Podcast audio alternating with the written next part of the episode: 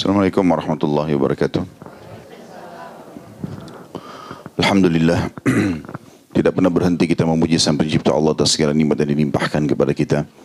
Dan juga kita panjatkan salam hormat kita, salawat dan taslim kepada utusan Nabi besar Muhammad sallallahu alaihi wasallam sebagaimana Allah telah memerintahkan kita untuk mengucapkannya. Melanjutkan pada buku kita Sahih At-Targhib wa Tarhib dan kita sudah menyelesaikan alhamdulillah kitab Tahara atau kitab bersuci dalam Islam dan bagaimana sudah kita panjang lebar jelaskan kalau kebersihan, kerapian ya, itu bagian daripada agama kita dan bagaimana Allah Subhanahu wa taala menjadikan dalam Islam ada mandi wajib seperti mandi Jumat bagi laki-laki, mandi haid dan nifas bagi perempuan, mandi junub dan Allah memberikan fitrah kita memiliki rasa gerah berarti memang uh, kita ingin untuk membersihkan diri kita sebagaimana Allah berikan rasa lapar dan haus yang menandakan tubuh kita membutuhkan nutrisi dan juga cairan dan bagaimana Allah Subhanahu wa taala memuji uh, masyarakat yang ada di sekitar Kuba di Madinah itu karena kebersihan mereka. Mereka menggabungkan pada saat bersuci antara istijmar dan istinja. Istinja artinya menggunakan air pada saat bersuci, cebok maaf. Kemudian kalau tidak ada air kita menggunakan istijmar, batu ya, yang kering dan bersih tentunya. Uh, tapi masyarakat sekitar Kuba itu suka kalau bersuci menggabungkan keduanya. Walaupun ada air, setelah air mereka pakai batu lagi. Ya, untuk ceboknya ya. Eh, disentuhkan di kemaluannya itu dibersihkan. Cuma sebatas itu saja. Uh, dia tidak seperti air tentunya penggunaannya. Tetapi dia atau mereka menggabungkan. Dan Allah memuji itu dalam Al-Quran. Bagaimana mereka suka sekali dengan sucian itu. Dan hadis uh, berhubungan tentang masalah ini banyak sekali uh, juga surga. Kita tahu semuanya yang digambarkan dalam Al-Quran dalam surah Rahman surah Al-Waqi'ah dan uh, surah Muhammad dan beberapa surah-surah lain itu menggambarkan tentang keindahan dan kebersihan surga. Dari permadani dari dipan-dipan dari buah-buahan istana yang mewah bidadari dan bidadara yang cantik dan gagah dan segala macam hal. Ini menandakan memang itu bagian daripada agama kita. Hadis yang terakhir kita bahas dalam bab tahara atau kitab tahara itu adalah hadis nomor 163 tepatnya hadis ketujuh tentang adanya siksa kubur yang datang karena dua perbuatan ya, yang banyak dianggap remeh oleh orang. Yang pertama masuk dalam bab bahasan kita yaitu tidak bersuci pada saat cebok. Ya. Ini sudah kita jelaskan harus hati-hati eh, termasuk sunnah Nabi SAW buang air kecil itu sambil duduk laki-laki dan perempuan ya. Nah, dikhawatirkan jangan sampai ada yang kepercik sana sini sehingga akhirnya najislah uh, bajunya dan tidak sahlah sholatnya. Ya. Dan ternyata itu menjadi penyebab salah satu penyebab utama disiksanya orang di kuburan. Dan ada beberapa riwayat sudah kita jelaskan masalah itu. Dan yang kedua adalah karena uh, adu domba. Ya. Dan saya sudah jelaskan makna adu domba itu. Domba yang tadinya dua ekor makan berdekatan itu sangat mudah untuk dibuat berantem. Karena cuma diusap saja bagian dahinya, dihadapkan matanya maka mereka bisa berantem seketika. Makanya disilakan dengan adu domba.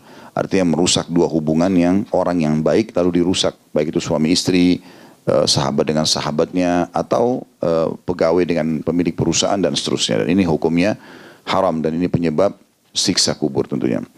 Dan insya Allah pada pagi ini semoga Allah berkahi kita masuk dalam kitab baru uh, atau bahasan baru ya. Masih dalam kitab Taharah juga ya. Masih masih dalam bab kesucian ini. Ancaman bagi laki-laki untuk masuk tempat pemandian umum tanpa kain sarung dan ancaman bagi kaum wanita untuk memasukinya sekalipun dengan mengenakan kain sarung dan lainnya kecuali wanita nifas atau sakit. Berikut penjelasan larangan tentang hal itu. Jadi perlu kita garis bawahi dulu uh, makna daripada bab ini ya, karena penulis buku ini itu hidup di zaman dulu. Di zaman dulu ini zaman klasik kalau kita bahasakan ya, memang tidak ada kamar mandi dalam rumah. Nah, jadi mereka menggunakan kamar mandi di luar rumah. Biasanya dikatakan permandian umum atau uh, eh, WC umum gitu kan. Nah mereka uh, di musim dingin biasanya masuk ke sebuah tempat permandian ya, untuk mandi laki-laki laki-laki perempuan-perempuan seperti itulah ya. Dan di situ ada hukum-hukum syar'i sebenarnya berhubungan dengan masalah itu. Laki-laki biasanya karena merasa sesama laki-laki maka dia tidak pakai busana sama sekali. Ini tidak boleh, ada larangan. Karena ada batasan aurat antara perut sampai lutut ya. Itu minimal yang dia harus tutup walaupun sesama laki-laki. Ya, kecuali dalam keadaan orang sakit, berobat, ya, titik-titik auratnya harus dilihat oleh dokter, itu lain, berbeda. Mungkin ada operasi, ada segala macam. Tapi bagi perempuan ini lebih tegas larangannya. Jadi walaupun dia menggunakan kain sarung, ya, ada kata tertutup, tetap saja dilarang untuk, uh, apalagi kalau sekarang kita tahu kolam renang ya. Nah, jadi pakaiannya sangat ketat, dan akhirnya masuk ke dalam tempat tersebut, sehingga akhirnya saling melihat aurat. Nah, biasanya banyak perempuan tidak menyadari masalah itu karena dianggap sesama perempuan tidak ada masalah. Padahal sebenarnya ini ada masalah secara hukum dan ini penyebab salah satu penyebab utama munculnya penyakit ain. Ya, ain itu orang hasad. Misal ibu punya kulit yang lebih putih dari dia atau badannya lebih baik, ya iri. Dan itu sudah cukup untuk membuat nanti ibu berubah. Ya, yang kata kulitnya berubah, dia bisa ditimpa penyakit gitu kan.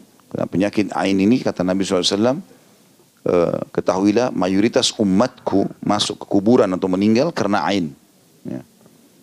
Dan ini kita di Indonesia banyak tidak tidak faham masalah itu ya, sehingga kita justru menampilkan terlalu banyak kelebihan-kelebihan kita di depan orang seakan-akan tidak akan ada orang iri. Ini keliru. Berapa banyak rumah tangga yang rusak karena ain. Berapa banyak orang beli mobil baru tabrakan karena ain. Berapa banyak juga perusahaan yang bangkrut karena ain. Bahkan kata Nabi SAW, hati-hati dengan ain karena ain itu benar, benar terjadi. Ya, kata beliau juga, ain itu bisa membawa orang masuk, manusia masuk ke dalam kuburan dan unta masuk ke dalam kuali.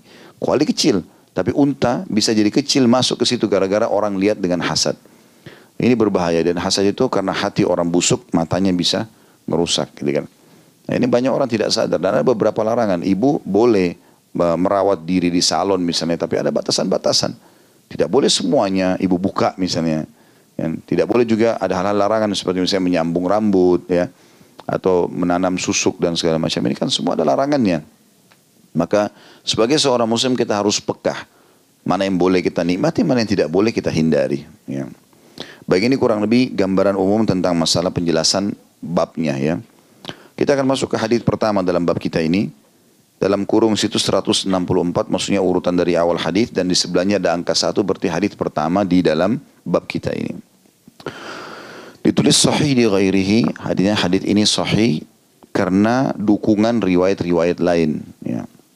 Dari Jabir radhiyallahu anhu dari Nabi SAW beliau bersabda man kana yu'minu billahi wal yawmil akhir fala yadkhulul hammama illa bimi'zar wa man kana yu'minu billahi wal yawmil akhir fala yadkhul halilata atau halilatahul hammam. Barang siapa yang beriman kepada Allah dan hari akhir maka jangan janganlah masuk ke tempat pemandian umum yang terbuka kecuali dengan sarung. Ini bagi laki-laki.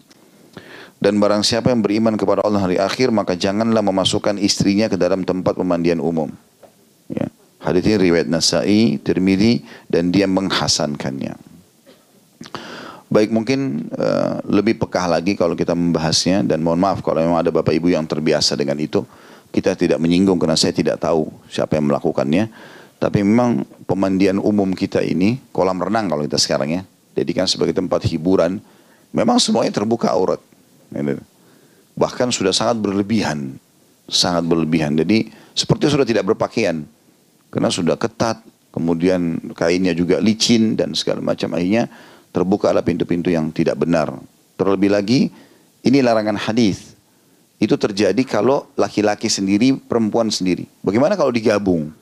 Maka akan lebih besar sekali fitnahnya. Maka saran kami tentunya, ini saran saja.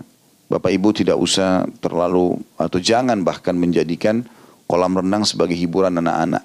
Kecuali punya rumah di rumah sendiri. Kan? Atau kita privat misalnya, Uh, di tempat satu tempat kita sekeluarga saja seperti kita sewa villa misalnya dan villa itu ada kolam renangnya kita tutup cuma ibu sama suami sama anak mungkin lain atau ada hotel seperti itu ya saya pernah masuk di salah satu hotel di puncak itu ternyata di salah satu kamarnya memang ada kolam renang sendiri tertutup semua sehingga tidak ada masalah contoh saja tetapi membawa anak-anak lagi liburan ke kolam renang yang bercampur semuanya itu mengajarkan mereka untuk terbiasa melihat aurat orang lain. Dan terlebih lagi ibu dengan hijab datang ke situ. Ibu duduk memang makan sama keluarga tapi sebelah luar lalang laki-laki yang pakai celana dalam saja, perempuan yang pakai pakaian ketat saja. Karena itu pelanggaran agamanya luar biasa gitu ya. Sangat besar.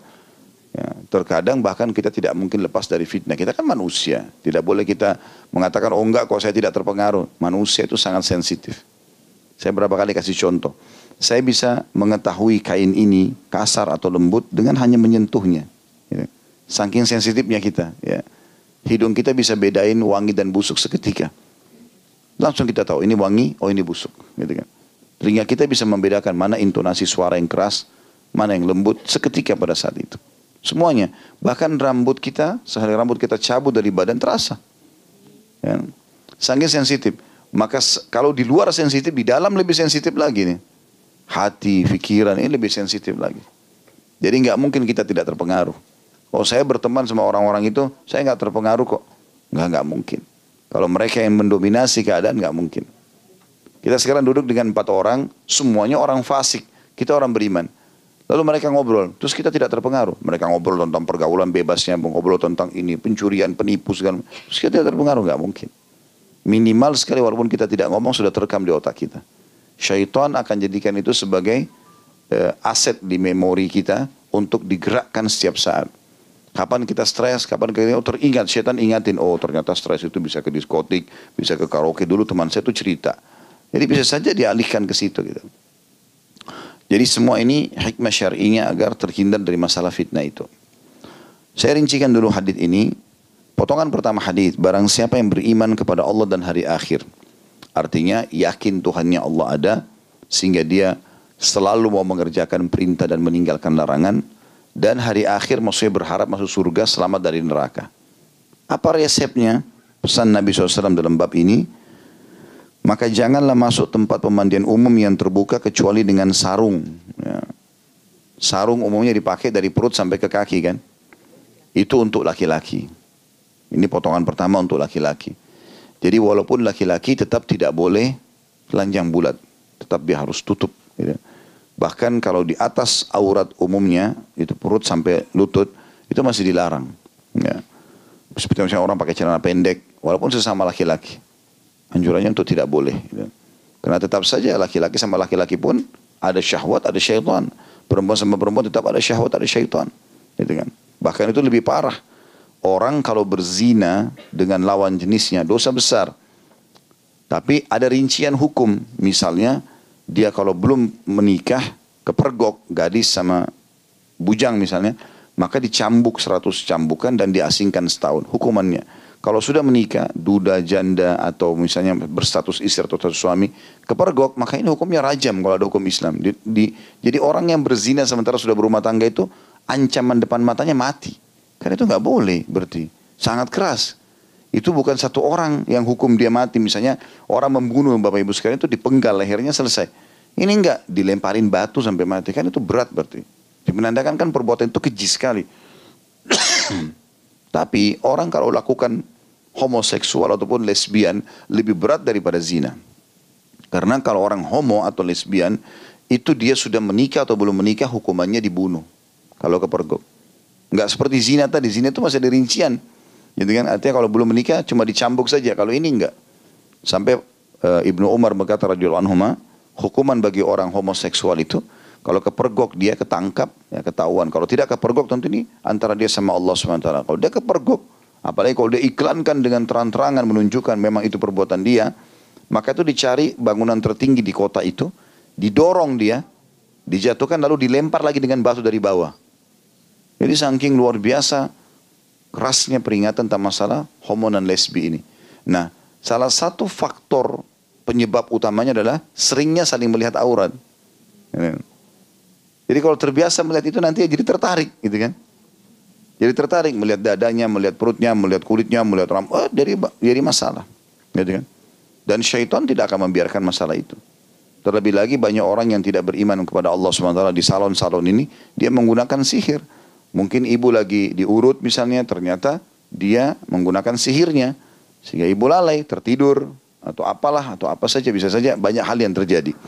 Dan itu agama sudah datang melarang masalah itu. Itu kalau laki-laki ya. Kalau perempuan lebih dalam lagi tadi saya bilang, potongan keduanya. dan dihubungkan dengan masalah beriman dan kepada Allah hari akhir dan barang siapa yang beriman kepada Allah hari akhir maka jangan memasukkan istrinya ke dalam tempat pemandian umum. Maksudnya istrinya kah, ibunya kah, anaknya kah, pokoknya perempuan jangan izinkan keluar untuk membuka aurat. Ibu lebih lemah dari laki-laki ya. Perempuan itu umumnya sedikit dikasih pujian bisa terpengaruh, gitu kan? Ya. Karena memang pakai perasaan itu bukan aib. Tapi umum biasa kalau sedikit ada pujian, ada rayuan, berbeda dengan laki-laki. Mungkin laki-laki masih menepis biasanya. Kalau dianggap tidak perlu dia tinggalkan karena dia dominan akal. Tapi kalau perempuan beda. Oh kamu cantik sekali ya, oh kulitmu putih ya, oh gini, nah, macam-macam. Itu sudah cukup untuk membeli perasaan ibu kan gitu. Dan itu berbahaya sekali. Makanya dilarang secara mutlak sudah. Demi maslahat gitu. Demi maslahat. Tentu wanita juga yang berakal, dia tidak akan memamerkan auratnya di depan di kolam renang di depan orang sehingga semuanya orang bisa menikmati apa yang Allah berikan pada diri dia. Maka harusnya seseorang itu mulia. Tentu kalau masa lalu pernah terjadi itu adalah masa lalu. Bapak Ibu dulu di majelis ilmu seperti ini gunanya untuk belajar. Dan setelah faham tentu orang yang berakal mengamalkan gitu kan? Apa pun yang pernah kita lakukan masa lalu jangan di jangan disalahkan tapi diperbaiki. Karena kita tidak tahu kan tidak ada yang tidak berbuat kesalahan yang penting sekarang setelah faham oh ternyata ini nggak boleh ya ke depannya dan saya sudah pernah bilang, apa yang kita lakukan dari keburukan teman-teman, jangan diwariskan pada anak-anak. Nggak boleh. Kalau ada seseorang hamil di luar nikah dulu, zina, jangan biar anaknya juga begitu. Masa dia wariskan keburukan? Gak apa-apa kok anak ibu dulu pernah begitu juga. Misal, ibu juga pakai jilbab umur 30 tahun kok nggak apa-apa sekarang. Mana pacarmu nak? Kenapa nggak bawa? Sengaja dimotivasi untuk zina. Pacaran sebelum nikah ya zina, apa bedanya? dibawa ke bioskop malam-malam gelap-gelap terus tidak berzina. Terus dibawa jalan. Walaupun datang pamit baik-baik. Saya katakan tante pam, om ini saya pamit ya mau zinai anaknya. Sama saja. Sama saja. Cuma itu bahasa langsungnya. Pamit ya mau bawa nonton sama aja gitu kan. Maka tidak boleh kita wariskan itu. Mau silakan lamar nikah. Pacaran setelah nikah silakan. Sampai hamil boleh. Kan dan memang saatnya pacaran setelah nikah kan gitu artinya gini yang saya ingin titip pesankan adalah jangan wariskan keburukan itu pada anak-anak kita. Kalau Bapak Ibu baru belajar sekarang agama, umurnya berapa, jangan anak-anak jangan seperti kita. Kalau perlu mereka dari SD sudah hafal Quran 30 juz, tutup kekurangan kita dulu dengan mereka. Nanti saya salah nih ya Allah, sekarang saya wariskan kepada anak saya kebaikan. Nah itu yang benar. Jangan malah kita larutkan mereka pada keburukan-keburukan itu. Saya pernah hadapi uh, kerabat kami, dari kerabat kami gitu kan saya nasihatin anak-anaknya. Harusnya begini, harusnya masih muda-muda mereka. Mereka Masya Allah semangat mendengarkan itu. Subhanallah setelah saya nasihatin baik-baik mereka masuk di benaknya. Saya tidak sengaja lewat ke belakang, mau keluar dari rumah itu lewat belakang. Saya temukan di belakang itu dengan hikmah Allah saya lewat ibunya lagi motivasi anaknya kenapa belum punya pacar. Kenapa belum begini? Terdengar oleh kuping saya saya lagi lewat. Tadi saya nasihatin kebaikan malah dia nasihatin anaknya keburukan gitu. Padahal perzinahan itu pasti akan merusak nama, merusak masa depan anaknya, merusak juga nama baiknya dia sendiri. Jadi memang agama Islam itu datang Bapak Ibu sekalian sebelum terjadi sesuatu yang besar, maka lebih baik ditahan, dijaga dari sekarang. Nabi Muhammad SAW itu sangat pekah dalam menjaga nama baik beliau. Di antara kisah yang masyur adalah beliau pernah iktikaf di masjid di 10 akhir Ramadan. Iktikaf di masjid ini berarti tidak interaksi sama istri gitu kan, kecuali cuma bertemu. Gak ada biologis. Kalau dia pulang biologis maka batal itikafnya. Dia mulai lagi baru. Begitu yang disebutkan dalam Al-Quran. Yang jelas, waktu Nabi SAW bagi itikaf, ada salah satu istri Nabi namanya Sofia datang menjenguk Nabi. Datang melihat Nabi, mengantarkan makanan, ngobrol. Waktu mau pulang karena sudah malam, Nabi SAW merasa bertanggung jawab sebagai suami, pulang, ngantar. Zaman dulu nggak ada kayak kita sekarang, lampu penerangan jalan segala macam, nggak ada. Gelap. Nabi SAW jalan, rupanya ada dua orang sahabat dari Ansar, jalan di belakang Nabi dan kesannya mereka mempercepat langkahnya. Mungkin kalau kita tangkap mungkin mereka mau tahu Nabi jalan sama siapa gitu kan. Akhirnya Nabi tutup pintu itu. Belum mereka bicara, Nabi sudah bilang, ala rizki kuma. Pelan-pelan aja kalian berdua. Innaha Sofia tu bintu Huyai. Ini yang sedang sama saya, Sofia binti Huyai. Maksudnya ini istri saya. Mereka mengatakan, Maha suci Allah. Kami nggak akan prasangka itu ya Rasulullah. Kata Nabi SAW, ingatlah syaitan mengalir dalam tubuh manusia bersama dengan mengalirnya darah. Kalau awalnya kau tidak niat itu, nanti kau akan niat itu gitu kan. maka kita tutup pintu-pintu celah keburukan itu sebelum terjadi. Jangan berikan kesempatan orang semaunya masuk dalam wilayah kita. Dan kadang-kadang bahkan kita yang melahirkan kesempatan itu pada orang. Sengaja berpenampilan yang menarik perhatian orang, sengaja membuat sesuatu yang heboh supaya orang lain menilai kita negatif. Ini salah dalam Islam tidak boleh.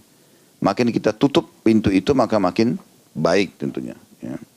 Ini hadis yang pertama.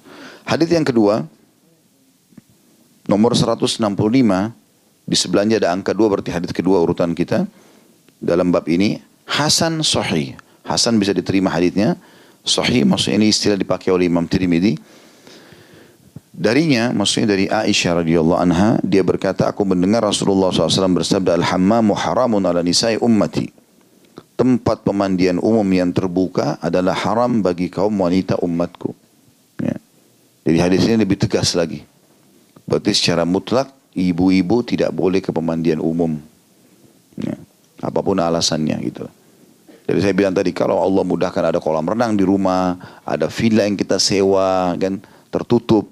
Karena orang teman-teman kita di Saudi, mereka sering pergi sekeluarga. Saya tahu itu. Tapi di Saudi kayak di Madinah misalnya ada villa-villa disewa, nah kita di, di puncak juga ada kan, sudah ada kolam renang yang ditutup, pagar tutup, maka dia sama keluarganya saja itu lain. Tapi depan umum semua orang lihat, ini tanda tanya ini. Gitu kan? Bahkan berbahaya sekali. Yang kita sayangkan kadang-kadang bahkan liburan anak-anak sekolah. Ramelah ibu-ibu berjilbab di situ. Hadir me me menyaingi orang-orang yang terbuka auratnya. Jumlahnya. Sholat di dekatnya orang jalan tidak pakai baju. Tidak pakai celana. Gimana? Ya. Karena ini semua pemandangan yang kurang baik. Ya, yang kurang baik. Walaupun kita mengatakan hiburan. Ingat, dalam Islam kita boleh menikmati selama halal. Tapi syubhat saja, ragu, udah masuk dalam pintu haram. Jangan. Karena Nabi SAW mengatakan yang halal jelas, yang haram jelas. Di antaranya hal-hal yang samar. Dan siapa yang terjerumus pada hal yang samar, dia terjerumus, dia telah terjerumus pada yang haram. Hadis ini memberikan pelajaran kepada kita tentang secara mutlak Nabi SAW melarang seluruh wanita muslimah untuk masuk dengan hikmah-hikmah syari tentunya. Sudah saya jelaskan tadi khawatir penyakit ain, terbuka aurat, dapat dosa segala macam. Hadis ketiga dalam bab kita, hadis nomor 166 dengan sanad sahih dari Abu Ayyub Al-Ansari radhiyallahu anhu bahwa Rasulullah SAW bersabda, "Man kana yu'minu billahi wal yawmil akhir falyukrim jarah."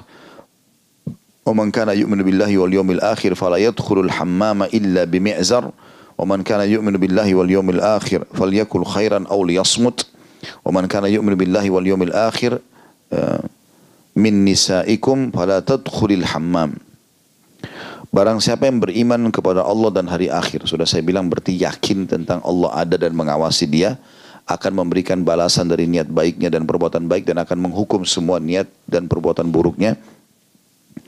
Dan juga hari akhir berharap surga dan selamat dari api neraka, hendaklah dia memuliakan tetangganya. Nanti kita rincikan itu ya. Barang siapa yang beriman kepada Allah hari akhir, maka janganlah masuk tempat mandi umum yang terbuka kecuali dengan sarung bagi laki-laki. Barang siapa yang beriman kepada Allah hari akhir, hendaknya dia berbicara baik atau dia diam saja. Dan barang siapa, ya di sini ada potongan terhilang ya. Hilang maksudnya barang siapa beriman kepada Allah dan hari akhir. Itu kalimat beriman kepada Allah dan hari akhir ini terhilang hilang dari buku kita. Jadi kasih tanda di situ ya. Lihat nggak? Hah? Hadir nggak ini? Senyap benar. Alhamdulillah kalau fokus. Yang penting jangan mengkhayal. Situ kan ada potongan terjemahan yang hilang ya. Karena potongan yang terakhir dan barang siapa dari istri kalian beriman kepada Allah hari akhir. Mestinya kalimat beriman kepada Allah hari akhir itu harusnya masuk ke dalam barang siapanya. Baik, barang siapa dari istri-istri kalian beriman kepada hari akhir, maka janganlah dia masuk ke tempat pemandian umum. Baik, di sini hadis ini mulia menitipkan empat pesan larangan dari Nabi alaihissalam dan dihubungkan dengan keimanan seseorang. Bisa bermakna bahwasanya kalau dilanggar berarti imannya diragukan. Dalam arti kata mungkin berkurang dari sisi kualitas imannya itu. Yang pertama, Barang siapa yang beriman kepada hari akhir maka dia harus mengikram tetangganya. Kita mulai dulu dengan kalimat karam atau ikram. Kalau ada orang memberi pada saat orang minta, ya, itu namanya orang baik. Tolong kasih saya, tolong pinjamin saya, saya lapar, saya minta baju itu, kita kasih. Orang baik. Tapi belum dikatakan karam. Karam itu orang minta nggak minta dia kasih. Ada orang begitu. Siapa ada tamunya datang, dibungkusin macam-macam, dikasih baju. Orang nggak minta, dikasih semua. Itu namanya orang karam. Ini sifat yang mulia. Dermawan sekali. Jadi dia nggak perlu tahu orang itu butuh atau tidak butuh. Setiap dia datang ke rumah ponakannya, kasih ponakannya. Udah mau ngomongnya orang mampu. Datang ke rumah orang tuanya, suka memberi. Berbagi-bagi. Ini namanya orang karam. Dan ini mulia dalam Islam dibolehkan. Bahkan dianjurkan. Sifat ini yang membuat jiwa kita hilang dari sifat bakhil atau pelit dan juga akan membuka banyak pintu rezeki karena sedekah itu. Sedekah itu yang paling afdol adalah tanpa orang minta kita kasih.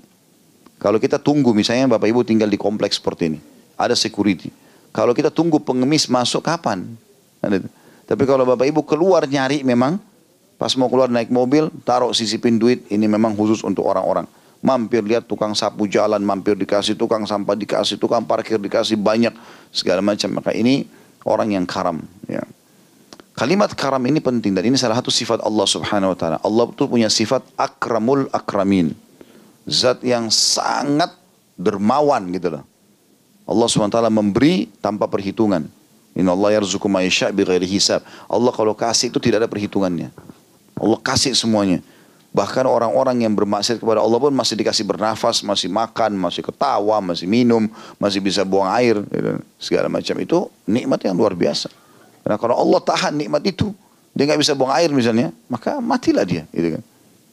Maka Allah masih kasih karena karamnya. Nah ini sifat orang mukmin harus punya sifat karam. Kapan Bapak Ibu merasa kalau mau kasih orang orang minta kasih nggak ya? Ini berarti orangnya bakhil. Ya. Tidak usah begitu. Ada keadaan tertentu yang ulama kecualikan. Misal kita tahu orang yang minta ini ahli maksiat. Dia minta duit dia akan beli khamar. Ya jangan dikasih. Tapi kalau kita tidak tahu. Kasih saja. Inna mal'amalu bin niat. Semua sesuai dengan niatnya. Kita niat sedekah kita dapat pahala. Dia niat nipu, dianya ditipu. Dicatat oleh Allah sebagai penipu. Karena kan Ustaz dia minta sama saya, saya nggak tahu dia mau pakai apa duitnya. Kalau kita nggak tahu kasih saja, bukan urusan kita. Karena Allah catat pahala kita sedekah, dia dicatat sesuai dengan niatnya.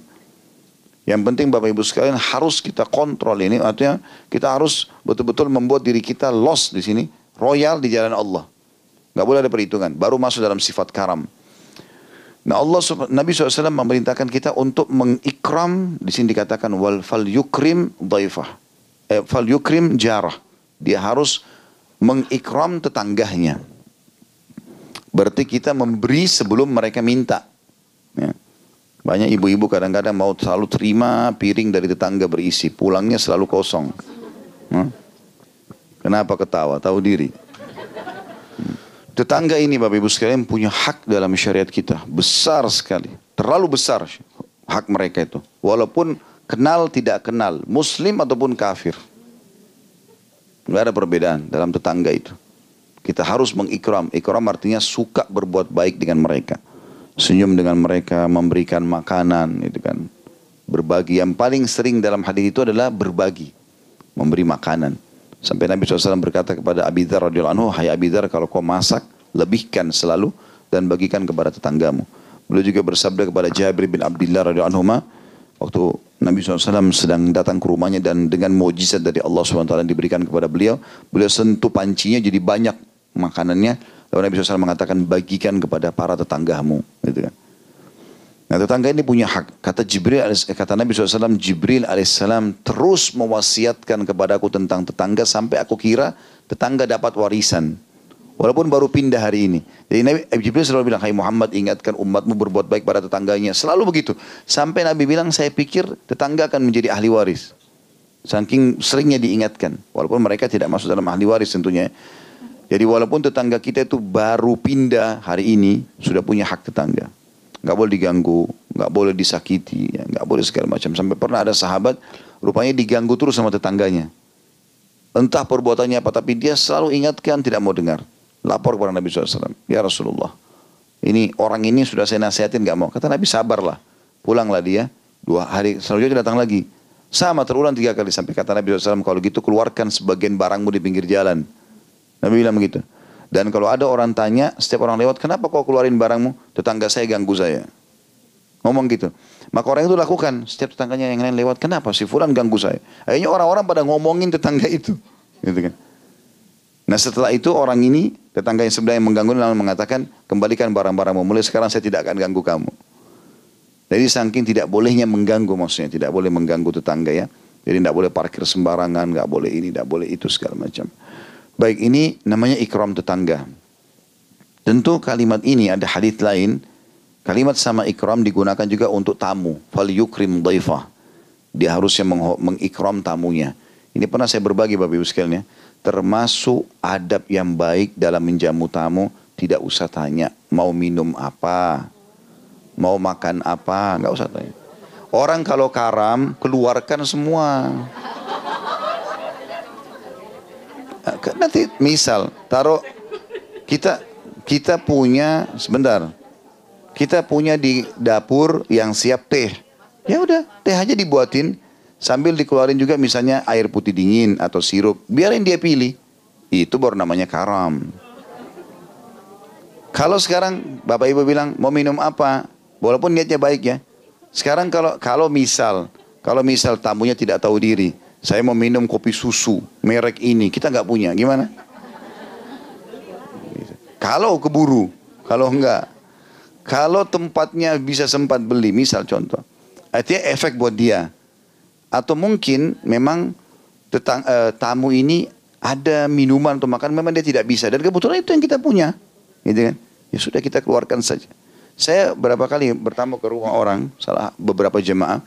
Itu pada saat kami duduk di ruang tamu memang sudah ada minuman dingin, minuman panas. Ada yang kemasan, ada yang enggak.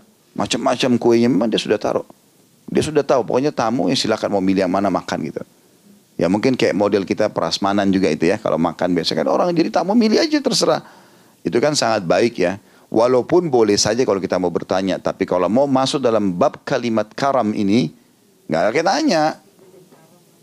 Langsung kasih aja. Gitu kan. Jadi beri orang itu beri yang maksimal. Ingat. Orang-orang yang menerima pemberian kita. Dia hanya nikmati pemberian itu. Tapi ibu dan bapak dibalas sama Allah sesuai dengan kadar yang kita berikan. Makanya pernah satu kali ada satu orang ulama besar tabi'in namanya Rabi ibn Haytham rahimahullah.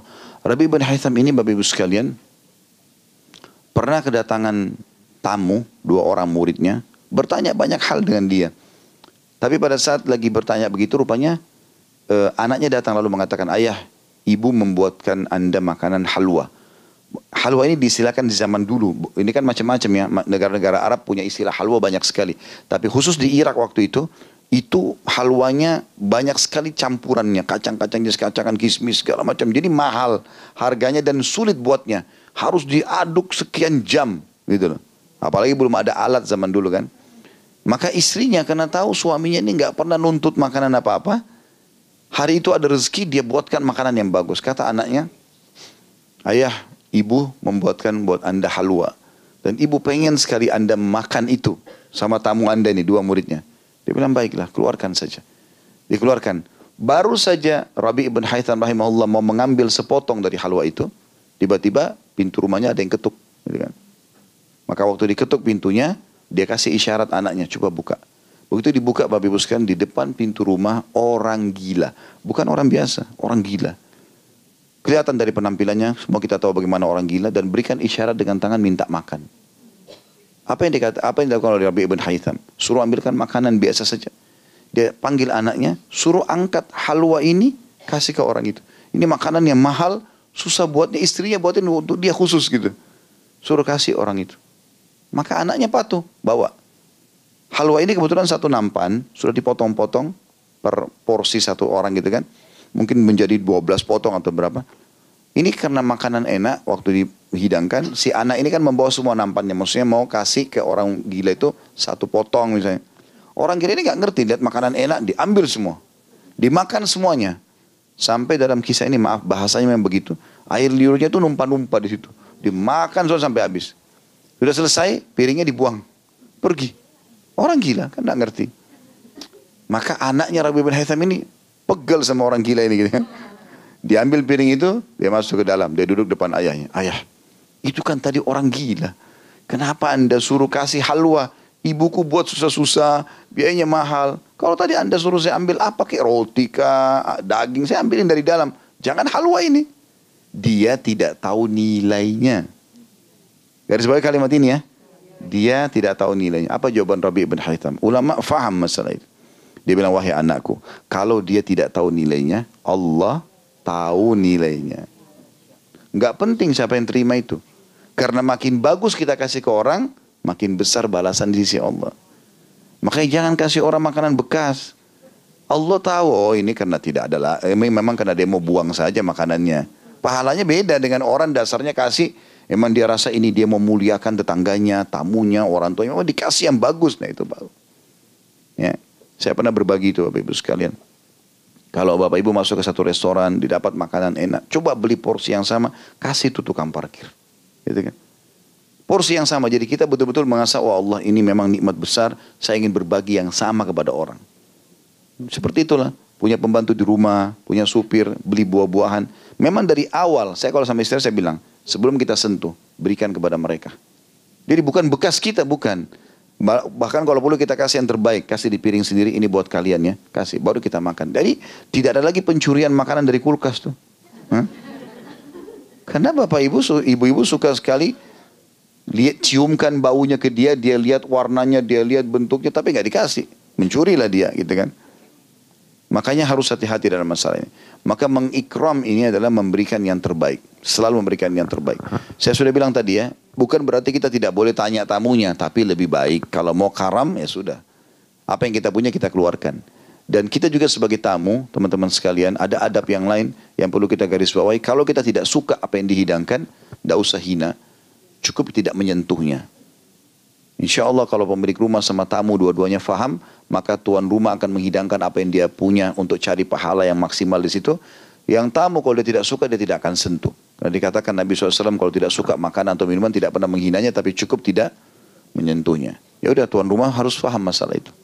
Jangan juga di sini kita melampaui batas ya. Karena kita mau karam, kemudian kita maksain tamu kita makan semuanya. Apalagi maaf ini kalau makanan daerah kan tidak semua orang suka. Jangan paksain orang harus makan, gitu kan? Belum tentu dia suka. Jadi kalau dia tidak sentuh berarti dia tidak suka. Kita cuma bilang silahkan makan, ya udah. Dia sentuh berarti dia suka, dia nggak suka ya sudah, gitu kan? Seperti itulah. Maka jangan dipaksakan tentunya itu jauh lebih baik. Saya pernah bertamu di rumah seseorang, orangnya sangat baik, masya Allah. Saya tahu dia suka tamu. Tetapi pada saat saya selesai khutbah Jumat, lalu diajak makan sama beliau-beliau ini, makan dihidangkan makanan, makan banyak. Artinya sudah dihidangkan ditaruh di piring nasi begitu banyak. Saya juga menolak serba salah. Sebenarnya tidak sebesar itulah porsi yang harusnya disiapkan. Kemudian dituangkanlah daging segala macam saya makan. Ya, memang sudah sangat kenyang. Tapi orang yang kena niat baik dia mau memberi dituangkan terus. Ini saya bilang sudah cukup saya sudah kenyang. Enggak apa-apa Ustaz makan aja. Ini gimana cara makannya? Mau ditaruh di mana gitu? Jangan juga melampaui batas kadang-kadang. Orang kan kalau tidak mau ya sudah. Makanya sebenarnya prasmanan itu sangat bagus. Sangat bagus. Dia milih porsi yang dia tahu. Dia kalau mau tambah dia silakan berdiri itu jauh lebih baik gitu kan. Dibandingkan kita siapin porsi yang mungkin cukup mungkin tidak. Kita nggak tahu. Allahu a'lam.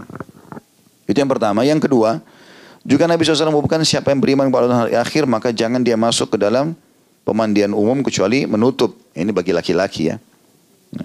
Ini tetap ada larangan, tetapi masih ada celah dibolehkan kalau laki-laki asal menutup dari perut sampai ke kaki dan itu pun itu pun laki-laki semuanya. Ya, itu pun laki-laki semuanya.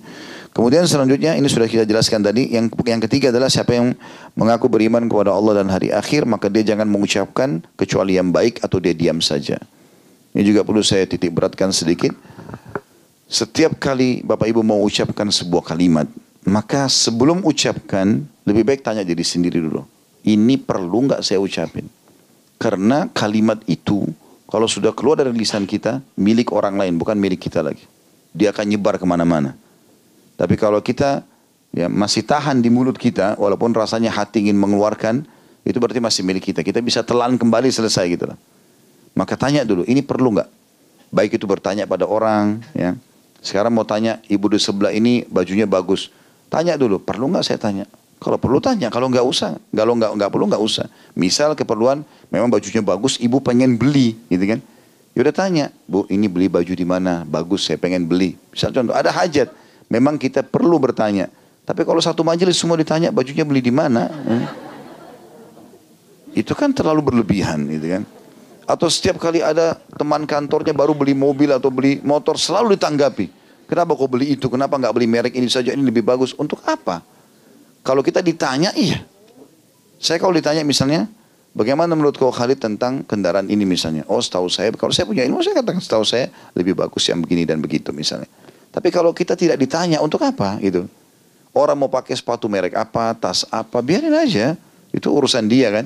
Kecuali dia lakukan pelanggaran agama, tersingkap auratnya misalnya, atau dia lakukan perbuatan yang salah, mungkin kita ingatkan. Kalau tidak, nggak usah pusing dengan orang. Kata Nabi SAW, min husni Islamil mar'i tarku yakni. Termasuk kesempurnaan Islam seseorang meninggalkan apa yang tidak ada hubungannya dengan dia. Kalau sama kita tidak usah campurin, gitu kan. Kecuali terjadi pelanggaran agama tadi. Maka ucapkan satu ucapan itu harus khair. Makna khair adalah kebaikan, bermakna. Kalau mau bertanya, tanya tentang pendidikan, pendidikan anak, masalah pelayanan suami, bagaimana uh, memenuhi kebutuhan istri, bagaimana khidmat sama orang tua, apalah yang bermanfaat. Kalau enggak, diam saja. Enggak usah ucapkan kata-kata. Lebih baik kita zikrullah, kita bertafakur daripada kita mengucapkan sembarangan kata-kata. Salah satu ciri orang yang suka mengucapkan sembarangan kata-kata ini, setiap kali kita duduk sama mereka, pasti selalu dia di semua bidang bisa. Eh tidak masuk akal gitu. Kita bicara tentang ini, dia juga paling dominan. Bicara masalah ini, dia juga dominan. Ini aneh ini. Nggak ada orang yang menguasai semua bidang kan. Tapi ada orang begitu, semuanya dia yang dominasi. Ini tanda tanya ini orang. Berarti orang ter terbiasa ya ngomong mulutnya luar biasa. Ya. Begitu juga dengan kalau bapak ibu kenalan dengan seseorang, baru kenalan, perhatikan kalau dia sudah langsung cerita keburukan seseorang, jangan bersahabat sama dia. Kalau kita baru kenal dia sudah ceritakan keburukan suaminya, keburukan istrinya, keburukan tetangganya. Ini tanda tanya, ini orang siapa? Baru kenal kita kok sudah cerita. Berarti kita pun akan diceritain sama dia. Tapi kalau kita begitu ketemu, kita bisa lihat orang ini bicara tentang pendidikan, pendidikan anak, tentang apa pekerjaan bisnis, untungan, sesuatu yang bermanfaat lah. Walaupun urusan dunia, dunia bermanfaat. Maka oke okay, kita baik, nggak ada masalah. Berteman sama mereka. Ingat, seseorang itu dinilai daripada persahabatannya. Abdullah bin Mas'ud mengatakan, kalau kau ingin kenal seseorang, jangan kau tanya siapa dia. Tapi tanya siapa orang-orang di sekitarnya. Bapak Ibu mau tahu dirinya baik atau tidak? Sekarang ini bisa nilai diri sendiri. Siapa sahabat-sahabat dekatnya Bapak Ibu? Kalau mereka orang baik, berarti Bapak Ibu orang baik. Karena kita tidak mungkin milih orang yang tidak setipe dengan kita, nggak mungkin. Kita pasti akan memilih orang yang seperti kita, gitu kan? Kalau misalnya Bapak Ibu sekarang muhasabah, oh ternyata teman-teman saya ini banyak yang buruk nih. Ya udah Ibu sekarang Bapak ganti. Harus pindah kepada orang-orang yang baik. Supaya kita sama dengan mereka. Karena seseorang dinilai daripada lingkungan dan persahabatannya. Seperti itulah.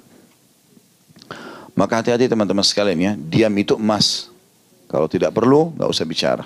Ya. Kalau perlu baru kita bicara. Termasuk juga dalam masalahnya adalah jangan bicara kalau bukan ahli di bidangnya. Kita nggak tahu apa-apa nggak usah bicara. Pernah saya bicara itu kan, ibu-ibu lagi masak, nggak usah bicara politik nanti tempenya hangus. Tidak perlu. Lebih baik masak enak-enak, tanya temannya resep, iya ini bicara. Ya. 0100 atau 0200. Nah. Ribut sama suami, untuk apa? Gunanya apa? Kecuali kita ahli di bidang itu, memang spesialisnya itu, suara kita terdengar, iya. Ini enggak di dapur bicara itu, di kamar mandi telepon temannya bicara itu, ya di pinggir got ketemu sama orang bicara itu. Nah, iya. Orang yang pinggir jalan kan begitu bicara politik semua. Satu Indonesia bicara politik. Nggak ada ilmunya sama sekali. Ini seperti saya kasih gambaran sering. Penonton bola lebih pintar daripada pemainnya. Itu pemain bola itu dari kecil sekolah bola sampai besar. Begitu dia tendang, meleset, bodoh langsung. Seakan-akan dia lebih hebat. Kalau dia masuk belum tentu bisa tendang, gitu kan. Bapak Ibu sekarang saya tanya, kalau kita Mungkin insya Allah mudah-mudahan di sini yang hadir rata-rata sudah punya keturunan, punya anak sekarang. Kalau kita punya dua tiga anak, repot gak ngurusnya? Repot. Yang ini yang ini buat masalah, yang ini menangis, yang ini pukul adiknya, kan banyak masalah. Itu tiga empat. Kalau punya anak sepuluh, bagaimana kira-kira? Berat nggak? Ibu-ibu lebih tahu itu ya. Kalau punya anak 20. Bagaimana tuh? Bagaimana tuh orang-orang politik yang menaungi satu negara? 200 juta dia harus urus. Itu nggak gampang. Lebih baik jaga mulut kita, nggak usah bicara. Kecuali memang salah, nasihat kita sampai ke telinganya dan dia dengar, ya udah. Kalau enggak nggak usah. Urus perut kita sendiri, makan, badan, baju, urus diri sendiri. Mati masuk surga. Campurin urusan orang untuk apa gitu. Itu kan bahaya. Maka ucapkan yang baik atau diam saja. Ya. Yang terakhir ini yang peringatan bagi wanita dan siapa yang beriman kepada Allah dan hari akhir, maka jangan pernah ya wanita itu atau istrinya ya seseorang itu masuk ke tempat pemandian umum. Di situ ada tambahan di bawah ya. Dia berkata, maka hal itu aku laporkan kepada Umar bin Abdul Aziz pada masa dia menjabat sebagai khalifah. Maka dia meneruskannya kepada Abu Bakar bin Muhammad bin Amr bin Hazm bin Hazm. Tanyakan kepada Muhammad bin Thabit tentang hadisnya karena dia dipercaya lalu dia menanyakannya. Kemudian dia menulis kepada Umar lalu Umar melarang para wanita masuk ke tempat pemandian umum. Artinya hadis ini pernah dipastikan di zaman dulu sebab ada banyak pemandian-pemandian dibuka walaupun laki-laki sendiri perempuan sendiri. Tapi ternyata yang yang dikhawatirkan oleh Umar bin Abdul Aziz dan orang-orang yang soleh dulu ini bahayanya perempuan kalau bertemu di dalam ya akhirnya banyak pembicara-pembicara yang tidak benar aurat terbuka dan banyak hal lah kena sensitif dengan perasaan. Maka ditelusuri ternyata memang dari zaman Umar bin Khattab sudah pernah dilarang masalah itu. Akhirnya dilarang pula pada masa khilafah Umayyah. Baik hadis selanjutnya. Nomor 167, hadis keempat, sahih di ghairihi. Dari seorang tukang cerita para tentara di Konstantinopel bahwa dia menyampaikan bahwa Umar bin Khattab radhiyallahu anhu berkata, "Wahai manusia, aku mendengar Rasulullah sallallahu alaihi wasallam bersabda, "Man kana yu'minu billahi wal yawmil akhir, fala yaq'udanna ala ma'idatin yudaru 'alaiha al-khamr." Wa man kana yu'minu billahi wal yawmil akhir, fala yadkhulul hammama illa bi izar.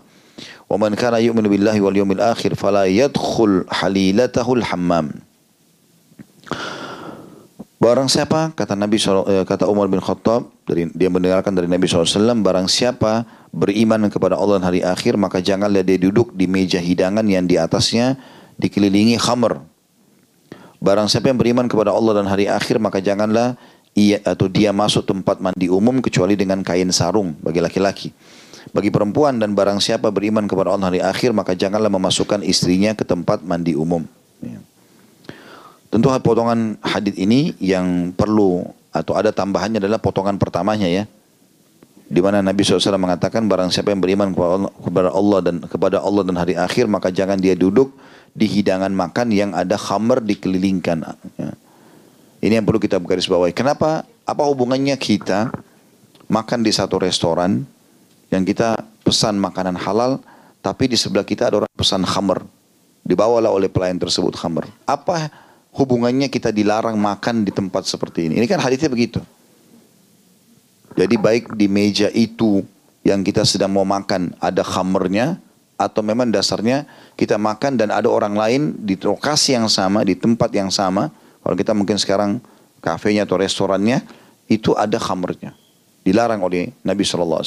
Karena memang ada hadis lain yang berbunyi, Allah melaknat peminum khamr, pembelinya, penjualnya, yang menghidangkannya, ya, yang menyaksikannya. Itu maknanya dilaknat itu kayak diangkat berkah hidupnya. Diangkat berkah hidupnya. Maka ini khamr, kalau bahasa hadis ini ya, seakan-akan kalau kau lihat saja jauhi. Gitu. Karena beratnya masalah khamr itu. Jadi bukan karena hanya kita tidak minum. Ya. Pernah ada orang bertanya begini, Ustadz saya punya supermarket, saya nggak minum khamr, cuma ada yang titip di kulkas. Gitu kan. Titip saja. Apa saya juga berdosa? Ya jelas berdosa. Ya kan karena kita penyebab orang lain minum khamr, gitu kan. Paling tidak, ya, kalau kita tinggalkan tadi masalah supermarket, paling tidak kalau kita makan di satu restoran yang memang khamr di situ dijual, paling tidak seperti kita tidak mengam, tidak amar ma'ruf nahi mungkar, kita seperti membiarkan saja. Sudah terserah dia mau jual atau tidak. Tapi kan masalahnya kita kalau lihat kemungkaran dalam Islam harus pungkiri. Jadi memang harus hati-hati. Gitu kan? Nah bagaimana caranya supaya kita bisa lepas? Ya hindari. semaksimal mungkin. Kalau kita sudah terlanjur makan di satu tempat, nanti setelah sementara makan atau sudah makan baru kita tahu ternyata dia jual khamar itu lain. Mungkin sudah lalu. Tapi kalau kita sudah tahu dari awal untuk apa ke situ. Kan itu. Saya kembali ingatkan lagi. Makanan, minuman betul ada kualitas dan yang bagus, ada yang sedang, ada yang kurang bagus. Kita tidak bicara masalah kualitas. Kita sedang bicara tentang masalah induk judul kehidupan kita. Misal makan, misal minum, misal tidur. Itu kan induk judulnya. Di bawah makan ini banyak sekali jenisnya kan. Ada manis, ada uh, pedas, ada gurih, ada segala macam. Ya. Ini ada kan macam-macam. Diminum juga begitu. Tapi induk judulnya apa? Makan. Ini dulu difahami ini. Artinya Bapak Ibu sekalian, kalau kita pengen makan sesuatu dan tidak ada, ya sudah makan yang lain. Jangan repotkan itu loh. Karena induknya makan. Intinya kan kita hilangin lapar, masukkan nutrisi dalam tubuh. Kita tidak bicara masalah kualitas dulu ya. Kualitas itu kalau ada yang lebih baik kita pilih. Tapi kita bicara induk ini supaya kita fahami. Artinya gini, saya ingin titipkan sebuah pesan. Kalau kita mau makan di sebuah restoran, ternyata ada sesuatu yang dilarang dalam agama di situ. Kayak tadi penjual khamar misalnya, ya, atau tidak jelas kehalalannya, syubhat. Ya. Maka kita tanyakan diri kita, kalau saya nggak makan di sana kenapa? Tuh masih banyak tempat makan yang lain. Kan ada judulnya makan. Kecuali kalau kita nggak makan di situ, mati. Itu lain. Wong kita kalau nggak makan di restoran ini, kita bisa makan restoran itu kok, gitu kan? Teman-teman jangan hanya karena uh, mengejar cerita pada teman-teman yang lain, ada restoran asing tuh, enak. Ya, sebuah hal yang dianggap keren kalau dia juga sudah cerita makan di situ. Gak mau tahu halal atau haramnya. Gak boleh ini. Tidak boleh. Restoran itu teman-teman sudah cukup kalau pemiliknya orang non muslim sudah cukup. Dia tidak pernah tahu masalah khamr itu haram. Ya kan? Dia tidak perlu tahu, dia tidak mau tahu itu. Intinya dia jual makanan. Nah, itu sudah minimal sekali. Artinya bisa saja orang non muslim melakukan itu. Saya pernah ke Johor waktu itu saya datang ketemu sepupu saya di Malaysia. Saya maaf sebutkan kota ini karena memang saya datang ke kota itu. Kami habis muter-muter masuk ke dalam sebuah pusat perbelanjaan di mall. Kemudian lapar mau makan siang. Terus saya bilang kita makan. Dia bilang baik. Ini kebetulan adik sepupu saya dia, panggil saya kakak. Iya baik kak, laki-laki. Kemudian setiap lewatin rumah makan, dia lalu banyak restoran dilewati sama dia. Kenapa nggak mampir di sini saja? Dia bilang itu nggak boleh kak, karena itu tidak halal. Loh, tahu dari mana?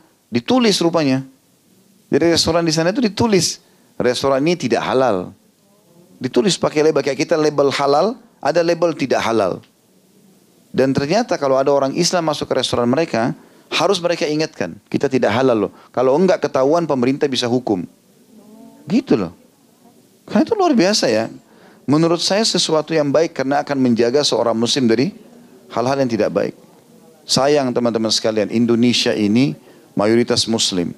Kenapa bukan kita yang jual makanan? Atau kenapa kita tidak beli dari tempat seorang muslim? Minimal, kita bukan masalah membenci orang non-muslim ya. Minimal orang non-muslim itu tidak melihat apa yang kita haramkan. Bagi mereka tidak haram. Gitu kan? Makanya kalau buat goreng-gorengan, udang atau apa saja atau nasi goreng itu tidak tidak asing bagi mereka pakai uh, apa namanya? arak ya anggur merah lah atau apalah itu tidak asing bagi mereka dengan alasan untuk melezatkan. Saya pernah isi acara di TV nasional kita swasta itu uh, judulnya halal waktu itu dan saya termasuk yang menyampaikan tentang hukum syar'inya. Didatangkan juga seorang dokter yang bicara tentang bahayanya secara medis. Ini connect gak dengan agama? Salah satu yang dibahas itu tentang masalah kehalalan restoran-restoran. Itu mereka didatangkan cuplikannya pada saat mereka masak segala macam dilihat itu memang mereka buat itu kalau seafoodnya atau daging segala macam itu membuat dia lebih gurih menurut mereka dikasihlah arak itu ya anggur segala macam ada pakai apa sih ancu ya ya ya seperti itulah banyak nama-namanya ternyata itu semua tidak bisa karena beralkohol walaupun mereka membahasakan itu menguap tapi kan sempat disiramkan ke situ apa jaminannya daging itu potongannya semua selamat dari alkohol tadi tidak ada atau sesuatu yang berbahaya buat kita. Maka tidak ada ruginya kalau tidak makan di situ gitu. Cari makanan Indonesia yang Masya Allah. Banyak sekali makanan tradisional yang baik, yang halal. Penjualnya muslim yang perlu kita bantu. Dan enak gitu kan. Itu yang mesti kita lakukan. Tentu saya tidak melarang ini ya. Umumnya tapi hati-hati saja. Kita harus lebih peka dengan masalah itu karena berhubungan sekali dengan masalah larangan Nabi dalam hadis ini. Ya. Atau mungkin ada keadaan juga kalau Bapak Ibu kebetulan lagi ada di satu negara non muslim. Alhamdulillah kita bersyukur lahir di Indonesia, hidup di sini mayoritas kita muslim. Kita mau cari makanan halal banyak sekali, Masya Allah.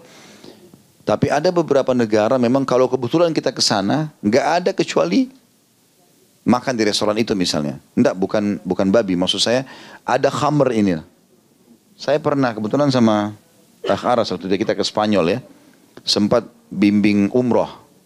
Tapi kita umroh plus Spanyol gitu kan. Waktu kita selama di Spanyol datangnya berapa? Empat, lima kota ya. Kurang lebih. Semua restorannya muslim. Tapi ada khamr. Ada khamrnya. Kebetulan saya datang panggil karena mereka ngerti bahasa Arab. Gitu. Yang punya ada orang Arab, yang punya ada orang India. Saya tanya, ini kenapa jual khamr? Ya kita di sini kalau tidak jual khamr, nggak bisa laku. Bahkan kalau nggak salah salah satu peraturan pemerintahnya lah harus ada khamr itu gitu loh. Nah ini tidak ada pilihan lain. Sekarang kami kalau nggak makan, nggak mungkin karena nggak ada makanan lain, nggak ada pilihan lain gitu loh. Tapi minimal kita datang ke restoran muslim. Walaupun tidak semuanya. Ada restoran yang kami masuk di beberapa pasar tapi agak jauh itu memang yang aman dari itu ya. Mungkin itu kondisional. Karena nggak ada lagi. Tapi kalau kayak di Indonesia, untuk apa ini? Gitu kan? Banyak sekali pilihannya. Ini potongan hadisnya ya. Tentu teman-teman sekalian, potongan hadis yang kedua sama yang ketiga sudah kita jelaskan tadi ya.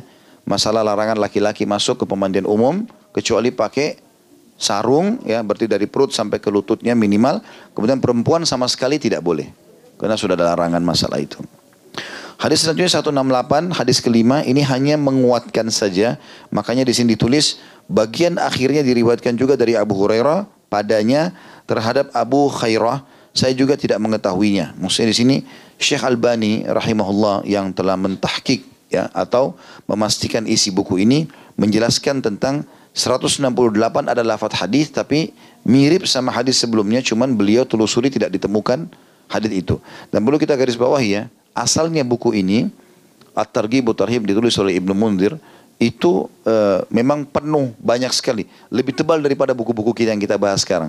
Tapi buku ini telah ditelusuri oleh Syekh Albani rahimahumullah itu dengan tentu Ibnu Munzir yang telah menulis buku ini juga kita doakan itu uh, beliau telusuri ternyata ada hadis yang lemah atau hadis yang maudhu dikeluarkan. Makanya buku kita namanya Sahih At-Targhib wa Tarhib. Jadi di 168 sebenarnya ada riwayat hadisnya tapi menurut beliau setelah ditelusuri dia bilang saya juga tidak mengetahuinya. Maka beliau tidak menulis hadis itu karena dikhawatirkan salah gitu ya. Baik selanjutnya 169 hadis nomor 6 dengan sanad sahih dari Ummu Darda radhiyallahu anha ia berkata kharajtu min al-hammam فلقيني النبي صلى الله عليه وسلم فقال من أين يا أم درداء فقلت من الحمام فقال والذي نفسي بيدي ما من امرأة تنزع ثيابها في غير بيت أحد من أمهاتها إلا وهي هاتكة كل ستر atau kulla sitrin bainaha wa bainar rahman azza wa jal. Kata Ummu Darda, Ummu Darda ini salah satu sahabiat Nabi ya, yang terkenal kisahnya ada sama Abu Darda ya yang masyhur. Aku keluar dari tempat pemandian umum khusus perempuan.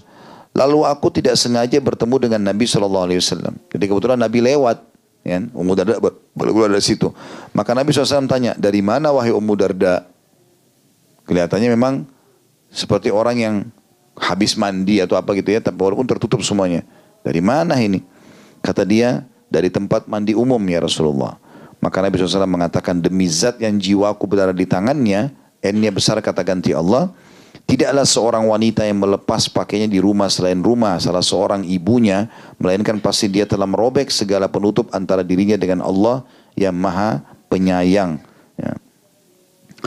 Hadith ini menjelaskan kepada kita beberapa pelajaran. Yang pertama adalah bagaimana Nabi Shallallahu Alaihi Wasallam peduli sekali dengan para sahabatnya termasuk umatnya, laki-laki atau perempuan. Terbukti Nabi SAW menanyakan Ummu Darda, dari mana kamu Ummu Darda? Dan ini berarti juga bolehnya seseorang interaksi sama lawan jenis tapi bukan khalwat, bukan berdua-duaan. Depan umum, ibu pas keluar rumah, tetangganya tanya, Assalamualaikum apa kabar bu? Ya baik, Alhamdulillah. Gitu kan. Sebatas itu. Orang semua lihat. Nggak ada sesuatu yang berduaan. Yang Nabi bilang kalau laki-laki dan perempuan berdua saja yang ketiganya syaitan. Umum. Ibu masuk ke pasar, nanya penjualnya, toko. Ini harganya berapa kan tidak mungkin tidak ngomong. Gitu kan. Karena ada juga orang kadang-kadang terlalu kaku. Laki-laki perempuan tidak boleh ngomong sama sekali. Gimana caranya? Kan tidak mungkin. Ada beberapa keadaan yang tidak mungkin. Itu pasti terjadi. Kan? Nabi SAW pernah berbicara dengan pembantu yang ada di rumah istrinya. Gitu kan? Pada saat Nabi SAW masuk ke rumahnya Ummu Salamah radhiyallahu anha, lalu Nabi SAW sambil pegang siwak, beliau panggil pembantunya. Tapi rupanya pembantu ini nggak datang-datang gitu. Maka Ummu Salamah datang ke kamar pembantunya. Ternyata dilihat pembantu itu lagi bermain sama domba kecil. Lagi sibuk dengan itu gitu. Maka Ummu Salamah mengatakan, kenapa saya lihat kau masih bermain domba sementara Rasulullah panggil kamu? Dia bilang, demi Allah saya nggak dengar. Gitu kan. Maka dia pun lari buru-buru langsung ke dekat Nabi SAW. Lalu Nabi SAW mengatakan, dia mengatakan, ya Rasulullah, demi zat yang telah mengutus anda, aku benar-benar tidak dengar. Kata Nabi SAW, kalau bukan karena kisos, di sini Nabi berarti bicara sama pembantu itu kan. Kalau bukan karena kisos, maksudnya saya bisa dibalas dengan hukuman yang sama, saya akan pukul kamu dengan kayu siwak ini. Artinya di sini Nabi interaksi, bukan tidak gitu kan. Tetapi bukan berduaan, yang dilarang ini adalah masalah berduaan. Interaksi dengan masyarakat. Maka pertanyaan bila diperlukan, tanya, gitu kan? Ibu perlu bertanya sesuatu pada orang, tanya. Bapak perlu bertanya sama seorang wanita, perlu tanya, tanya. Sekarang kita masuk ke rumah sakit, butuh tanya. Siapa yang akan merawat ini? Siapa bagian administrasinya? Mana susternya? Mana dokternya? Orang nanya kan gitu. Maka secara umum ini nggak masalah. Apalagi kalau memang dasarnya kita ada kenalan, tahu orang itu siapa. Dan perlu kita tanya. Ingat, selalu juga tanyakan perlu nggak yang benar terjadi Salman Al Farisi radhiyallahu anha radhiyallahu anhu. Ini Salman Al Farisi sahabat dekatnya suaminya Ummu Darda ini. Sahabat dekat, mereka memang saling mencintai karena Allah. Satu waktu Salman Al Farisi datang ke rumahnya Abu Darda, nggak ditemukan Abu Darda. Rupanya Ummu Darda ini yang sekarang wanita yang sedang kita ceritakan ini, dia ada di belakang pintu rumahnya dan lewat sepintas gitu. Maka Abu Dar, uh, Salman Al Farisi lihat kesannya dia nggak kayak ngerawat diri. Kan kelihatan orang kalau diri atau tidak gitu kan, secara umum. Maka Salman Farisi mengatakan, wahai Ummu Darda ada apa dengan kamu ini? Maksudnya kok berantakan begini nih? Dia bilang, saudaramu Abu Darda tidak butuh lagi sama saya. Kok bisa? Kata Salman. Terajin interaksi kan? Kok bisa? Ya karena dia setiap siang puasa, malam sholat terus. Jadi nggak ada butuhnya sama istrinya untuk apa saya dandan, untuk apa saya bersih-bersih gitu loh. Maka kata Salman, di mana suamimu? Dia bilang di masjid. Kebetulan waktu itu mau menjelang maghrib ya. Pergilah Salman Al-Farsi ke masjid ketemu sama Abu Darda sahabatnya. Kemudian duduk sampai Isya. Habis itu Salman bilang saya mau bertamu di rumahmu malam ini. Kata Abu Darda baiklah silahkan. Datanglah Salman Al-Farsi ke rumahnya. Begitu datang ke rumahnya. Abu Darda rupanya ini punya satu tradisi. Dia habis sholat Isya pulang ke rumah. Dia ganti bajunya. Terus dia ke ruang tamu sholat sampai subuh. Enggak tidur semalaman. Sholat malam terus. Dia tidak tidur pagi. Pagi puasa, setiap hari, tidak pernah berhenti. Waktu itu kebetulan belum ada larangan puasa. Kan kalau puasa berarti tidak ada interaksi biologis sama istri kan gitu. Batal puasanya kalau itu. Maka seperti itu yang dibuat. Rupanya Salman Al-Farisi sudah dengar tadi dari Ummu Darda. Dia mau perbaikin tuh. Gimana caranya? Waktu uh, begitu habis sholat isya, dia sudah tahu sahabat ini suka ganti baju terus keluar sholat gitu. Dia tunggu di ruang tamu. Kan sudah dipersilakan untuk istirahat. Biasanya mereka habis isya sudah tidur pada zaman itu. Maka Salman Farisi tunggu di depan ruang tamu. Abu Darda keluar, ditanya sama Salman, mau ngapain kau? Saya mau sholat. Kata Salman, masuk berikan hak istrimu dulu. Gitu. Maka karena dia tahu Salman lebih pintar dari dia, memang Salman lebih alim secara ilmu ya. Karena Salman Farisi ini pernah menjadi pendeta Yahudi, pernah melewatin agama Majusi, pernah banyak agama yang dilalui baru dia masuk Islam. Jadi dia punya banyak pengetahuan gitu. Maka kata uh, Papa Abu Darda pun masuk tidur. Maksudnya kasih haknya istrinya. Kemudian setelah itu dia keluar lagi. Berapa saat kemudian kata Salman ditungguin, Salman nggak tidur. Ya. Mau ngapain? Saya mau sholat. Masuk dulu kasih hak istrimu. Setelah tertinggal sepertiga malam saja, jadi maksudnya sekitar tiga jam lah sebelum subuh ya. Sepertiga malam itu yang hadits Nabi kalau tinggal sepertiga malam Allah turun ke langit bumi. Itu cara hitungnya dari maghrib sampai subuh. Misalnya maghrib jam 6, subuh jam 5. Berarti kan 11 jam tuh. Dari jam 6 sore, jam 6, jam 7, jam 8 sampai jam 5 sore, jam 5 subuh berarti kan 11 jam. Itu dibagi tiga. kurang lebih berarti tiga jam setengah gitu kan. Empat jam lah. Berarti kalau subuh jam lima, sepertiga malam yang Allah turun ke langit bumi itu, itu jam duaan gitu kan. Atau jam satu sudah masuk, karena tiga, tiga setengah jam sampai empat jam. Nah waktu tertinggal sepertiga malam, maka Salman bilang waktu Abu Darda keluar, sholatlah sesukamu sekarang. Sholatlah dia. Sampai azan subuh sama-sama ke masjid pulang lagi. Nah Abu Darda lihat ini tamunya lagi bertamu di rumah. Dia bilang sama Abu Darda siapkan makanan, sarapan. Disiapinlah makanan, sarapan. Tapi Abu Darda lagi puasa. Maka waktu dia Abu Darda bilang silakan makan. Kata Salman kenapa kok nggak makan? Dia bilang saya lagi puasa. Ini puasa sunnah bukan puasa wajib ya. Puasa sunnah. Kalau puasa wajib nggak mungkin tentunya. Maka kata Salman saya tamu. Menghormati saya wajib. Kau puasa sunnah. Batalkan puasa. Maka dia batalkan puasanya. Tapi setelah batalin puasa ini Abu Darda terganggu. Bilang, hai Salman, saya terganggu dengan sikapmu. Tadi malam kau udah buat sholat malamku berkurang, sekarang puasaku batal gitu kan. Saya ini akan saya lapor ke Nabi SAW. Kata Salman silahkan. Tapi ingat, semua punya hak dan berikanlah haknya. Waktu Abu Darda sampai ke Nabi SAW, maka Nabi mengatakan hal yang sama. Wahai Abu Darda, betul, matamu punya hak, keluargamu punya hak, dirimu punya hak, semua punya hak. Berikanlah haknya masing-masing. Gitu. Maka di sini ada kasus juga yang terjadi tentang masalah Ummu Darda ini. Baiklah, kita kembali ke bahasan kita. Pada saat itu Ummu Darda keluar dari tempat pemandian dan Nabi SAW bertanya. Dan tadi kisah Salman itu saya datangkan karena berarti ada interaksi antara Salman dengan Ummu Darda untuk memberikan solusi dalam masalahnya. Tapi memang di sini bukan berdua-duaan saja tapi secara umum. Maka Ummu Darda waktu keluar Nabi SAW tanya, dari mana wahai Ummu Darda? Dan ini tradisi Nabi SAW, subhanallah. Eh, beliau sangat peduli dengan para sahabatnya, saking pedulinya sering bertanya. Jadi kalau habis sholat, begitu salam, habis zikir, Nabi tanya, mana fulan, mana fulan, Nabi tahu siapa yang hadir. Dari semua masjid itu ditahu sama Nabi SAW. Ya, Nabi tanya, kalau ada misalnya, oh si fulan nggak ada ya Rasulullah, kenapa sakit? Kita jenguk rame-rame gitu loh. Jadi seperti itulah, kalau ada apa tidak ditahu beritanya disuruh cari. Siapa tetangganya? Si fulan, coba cari tahu dia. Ada apa gitu loh. Bahkan Nabi SAW sering bertanya kalau habis zikir, habis sholat, wajib beliau mengatakan siapa yang mimpi semalam. Lalu disampaikan mimpi, saya begini ya Rasulullah. Lalu beliau takwilkan mimpi itu. Jadi saking dekatnya dengan para sahabat. Makanya Nabi tanya nih Ummu Darda, dari mana saja nih gitu kan. Ini juga pernah terjadi contoh kasus yang beda ya. Pernah Sofia radhiyallahu anha istri Nabi SAW malam hari mau keluar, ada hajatnya. Kan zaman dulu tidak ada WC di kamar di dalam rumah ya. Mereka kalau mau buang hajat keluar. Maka Sofia itu keluar, Umar bin Khattab langsung tanya, mau ke mana wahai Sofia? Saya malam-malam ngapain keluar nih? Maka Nabi SAW mengingatkan, mengatakan, Hai Umar biarkan dia karena dia punya hajat. Jadi di sini kan ada interaksi yang kita lihat tapi secara global gitu kan. Maka Nabi SAW tanya, wahai Ummu Darda, dari mana? Maka dia menanyakan, dia menjawab, saya dari tempat pemandian umum. Maka di sinilah wasiat Nabi SAW bersumpah atas sama Allah yang ada jiwa beliau di genggamannya Allah. Maksudnya demi Allah, tidaklah seorang wanita melepas pakaian di rumah selain rumah salah seorang ibunya. Melainkan pasti dia telah merobek segala penutup antara dirinya dengan Allah yang maha, yang maha penyayang. Di sini maksudnya adalah uh, rumah ibunya, maksudnya rumah dia kalau belum menikah, rumah suaminya kalau sudah menikah. Ya. Jadi selain tempat ini, ibu-ibu dilarang untuk melepaskan pakaian dalam arti kata di sini untuk dilihat oleh orang, ya, untuk dilihat oleh orang. Tapi kalau di rumah sendiri, di rumah orang tua, ya, di rumah mahram maka tidak ada masalah. Gitu kan. Itu pun ada batasan-batasan pada saya bilang ya. Jadi batasan-batasan itu ada di antara misalnya dari dada sampai ke lutut ya.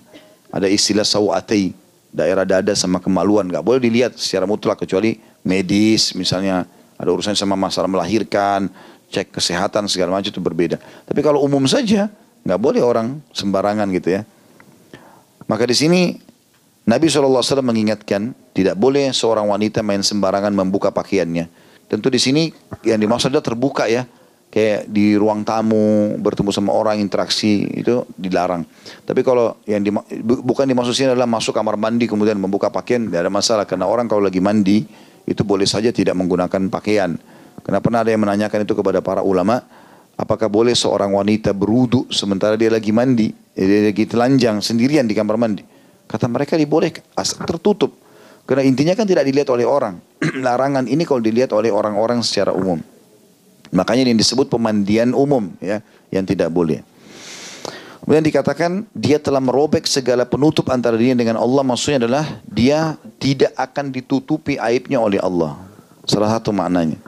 Kalau dia sudah mulai main sembarangan buka orang semua bisa lihat badannya, berarti dia sudah dia sudah merusak apa pun yang memang dasarnya Allah bisa tutupin kesalahan dia dengan itu. Ya. Baik, tiga hadis yang tersisa dari bab ini kita selesaikan insya Allah. Hadis 170 Tepatnya hadis ketujuh ya dengan sanad sahih dari Abu Al-Malih Al-Hudhali. Anda nisa min ahli dalam kurung Himsa atau min ahli dalam kurung Asyam. Dakhalna ala Aisyah radhiyallahu anha faqalat antunna allati yadkhulna nisa'ukunna al-hammamat sami'tu Rasulullah sallallahu alaihi wasallam yaqul ma min imra'atin tada'u thiyabaha fi ghairi baiti zawjiha illa hataqatis sitra bainaha wa baina rabbiha Artinya bahwasanya beberapa wanita dari penduduk kota Hims. Hims ini salah satu kota di negeri Syam ya. Tepatnya sekarang di wilayah Syria. Atau wanita penduduk Syam. Jadi yang menyampaikan riwayat ini Abu Al-Malih Al-Hudhali eh, ragu apakah ini wanita dari kota Hims atau secara umum negeri Syam. Kalau Syam masuk empat negara kan. Syria, Lebanon, Jordan dan Palestina. Intinya ada wanita dari negeri Syam datang, kemudian datang menemui Ummul Mukminin Aisyah radhiyallahu anha dan Aisyah berkata, wanita-wanita di antara kalian kah yang masuk ke tempat pemandian umum? Karena di negeri Syam ini mereka tadinya uh, wilayah kekuasaan Konstantinopel, ya orang-orang Romawi. Dan orang Romawi sering ada pemandian umum yang perempuan semua tidak pakai busana, kumpul sama-sama, berendam-berendam sama-sama gitu-gitu. Bahkan mereka sudah terbiasa dengan tanpa busana sama sekali malah, gitu kan. Maka itu tersebar waktu zaman itu. Ya, kalau orang tahu semua. Makanya Aisyah bertanya, di tempat kalian itu di negeri Syam karena bekas ya atau pada saat itu masih dikuasai atau baru dibebaskan dari orang-orang Romawi, apakah wanita kalian yang ke tempat pemandian umum, aku mendengar Rasulullah SAW bersabda, tidaklah seorang wanita yang membuka pakainya di selain rumah suaminya, melainkan dia telah merobek penutup antara dirinya dengan robnya. Yang lebih dekat maknanya di sini adalah membuka pakaian secara umum ya, secara keseluruhan. Sehingga akhirnya membuat orang lain bisa menilai negatif. Kalau depan suami tentu adalah hal yang dibolehkan. Salah satunya orang yang boleh melihat semua adalah suami. Ya. Tapi kalau orang lain, maka ada batasan walaupun mahram seperti ayah, anak, ada batasan yang pernah kita sampaikan gitu kan. Ibu nggak boleh juga terbuka semuanya di depan, walaupun anak sendiri. Ya. Tentu ada batas umur. Seperti umur tamiz namanya umur sudah bisa membedakan aurat, maka ini sebaiknya jangan perlihatkan lagi. tujuh tahun, enam tahun ke atas dia sudah bisa bedakan uh, jenis kelamin maka jangan. Seperti ibu mandi sama anak laki-lakinya misalnya gitu kan. Maka itu ada larangan-larangan yang harus dijaga. Baik dua hadis yang terakhir adalah hadis nomor 171 hadis ke-8 sahih di Ahmad Abu Ya'la dan At-Tabarani juga Al-Hakim meriwayatkan dari Darraj Abu Ash-Shahm. Abu Syamh dari As-Sa'ib anna nisa'a dakhalna ala ummu Salamah radhiyallahu anha fasa'altuhunna man antunna?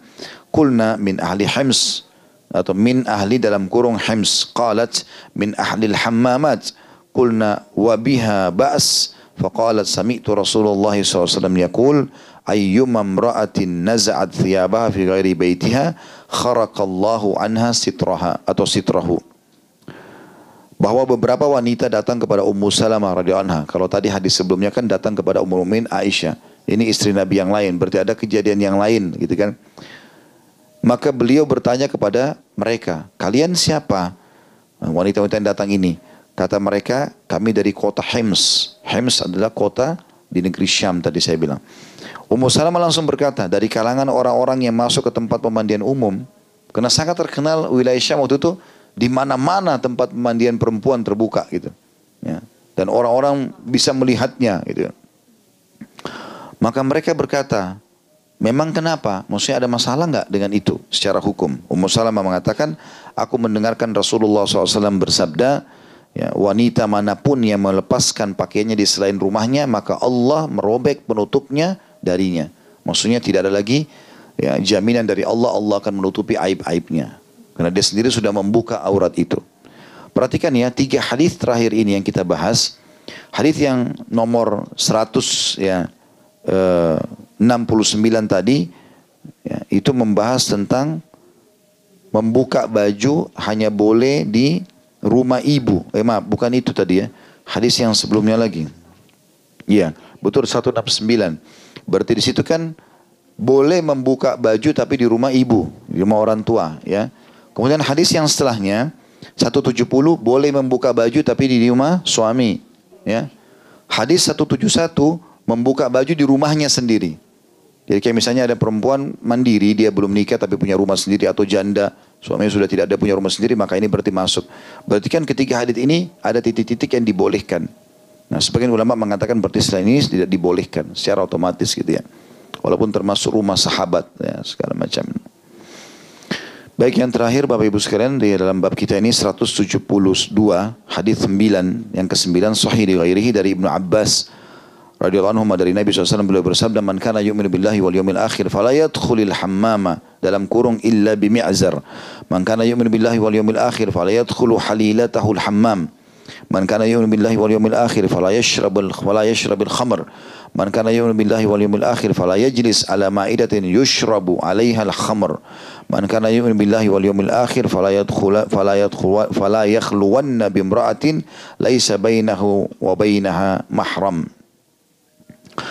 Barang siapa yang beriman kepada Allah dan hari akhir, maka janganlah dia masuk ke tempat pemandian umum yang terbuka kecuali dengan kain sarung. Yang sudah kita jelaskan bagi laki-laki.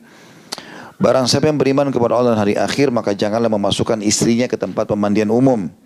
Barang siapa yang beriman kepada Allah dan hari akhir, maka janganlah minum khamr. Barang siapa yang beriman kepada Allah dan hari akhir, maka jangan duduk di meja yang padanya diminum khamr. Dan barang siapa yang beriman kepada Allah dan hari akhir, maka janganlah berduaan dengan seorang wanita tanpa ada mahram di antara mereka berdua. Dari hadis ini ada dua tambahan yang perlu kita jelaskan ya. Kalau potongan pertama tidak boleh laki-laki masuk ke pembayaran umum kecuali pakai sarung sudah kita jelaskan. Kemudian yang melarang istri juga mengizinkan istri ataupun mahramnya pergi ke tempat minum juga dilarang. Ini sudah kita jelaskan. Yang ketiga yang kita bahas adalah jangan minum khamar. Ya. Dan khamar ini terjemahannya adalah semua yang uh, memabukkan. Itu definisinya atau semua yang mengubah ya mengeluarkan akal dari jalur sehatnya. Jadi lebih percaya diri, lupa diri segala macam itu. Baik itu cairan ataupun bubuk atau daun. Makanya narkotika masuk dalam masalah khamar.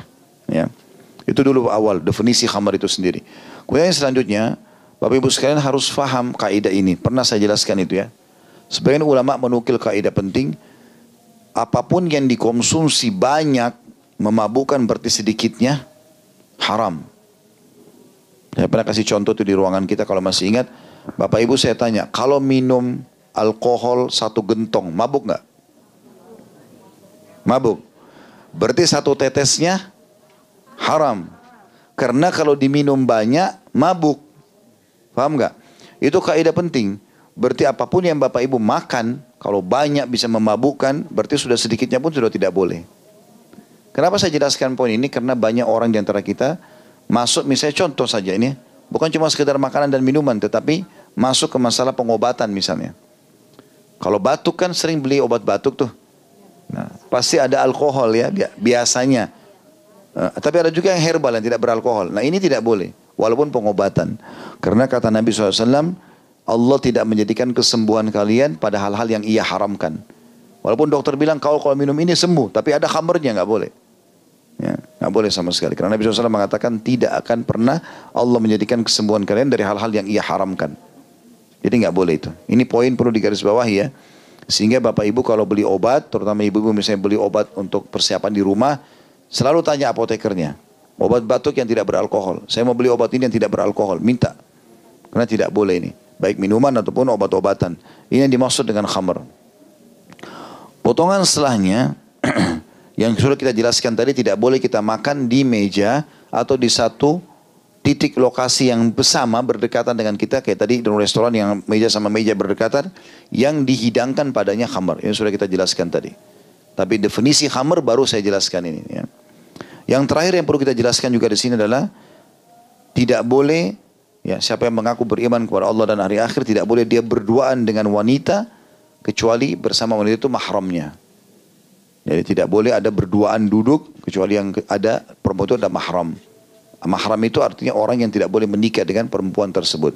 Ini juga masih ada e, batasan ulama. Mahram ini juga harus digarisbawahi dengan e, mahram itu balik. Ya. Jadi kalau ibu misalnya punya anak kecil masih bayi, oh ini kan mahram saya. Datanglah laki-laki asing ke rumahnya duduk berdua. Mahramnya ini masih kecil, nggak ada fungsinya di situ sekarang. Fungsi keberadaan mahram ini untuk menjadi tameng buat mereka berdua berbuat dosa gitu loh. Maka harus ini sudah ada fungsinya. Mahram ini ada fungsinya. Ya, karena biar bagaimana ibu kalau bawa anak, kalau apalagi kalau anak laki-laki ya, kalau anak laki-laki dibawa, siapa pun yang ingin berbuat jahat pada ibu itu masih berpikir walaupun itu cuma anak laki-laki. Apalagi kalau dia sudah bujang misalnya, Orang berpikir untuk berbuat kejahatan. Maka fungsi mahramnya adalah untuk menolong si perempuan ini dari kejahatan. Karena kalau orang tidak lakukan ini maka akan terjadi hal-hal yang tidak diinginkan tentunya. Maka ini perlu digarisbawahi Bapak Ibu sekalian, interaksi dalam bisnis ya terutama ibu-ibu. Kalau cuma meeting berdua sama klien dan itu laki-laki, ya harus ada orang. Tidak boleh berduaan. Masuk ruangan berduaan saja jadi masalah gitu kan. Maka harus ada batasan-batasan, harus ada sesuatu yang dihubungkan dengan masalah agama. Lebih baik juga kalau teman-teman kita dokter wanita gitu kan, di ruangan itu harus ada yang lain. Jangan cuma dia saja berdua sama pasiennya. Ini supaya aman dari sisi hukum syar'i karena larangan ini umum, terjadi umum. Berarti artinya dilarang siapa yang mengaku beriman kepada Allah hari akhir maka jangan dia berdua sama wanita atau wanita juga termasuk di sini berdua sama laki-laki kecuali ada mahram si wanita itu yang menemaninya. Dan ini juga perlu digarisbawahi kata ulama berinteraksi dengan yang bukan mahram itu harus pada hal-hal yang diperlukan. Jadi tidak boleh ibu juga terlalu supel semua orang dikenalin gitu kan. Maksudnya dalam arti kata semua orang diajak ngobrol. Walaupun sahabat suami misalnya. Jadi kalau ada sahabatnya suami mau datang ke rumah sampaikan. Ini ada sahabat suami atau maaf ya pak nanti bapak datang setelah uh, suami saya pulang. Jangan menyelonong masuk ke rumah ibu. Oh ini kan teman suami saya. Tidak boleh. Banyak hal yang tidak diinginkan bisa terjadi.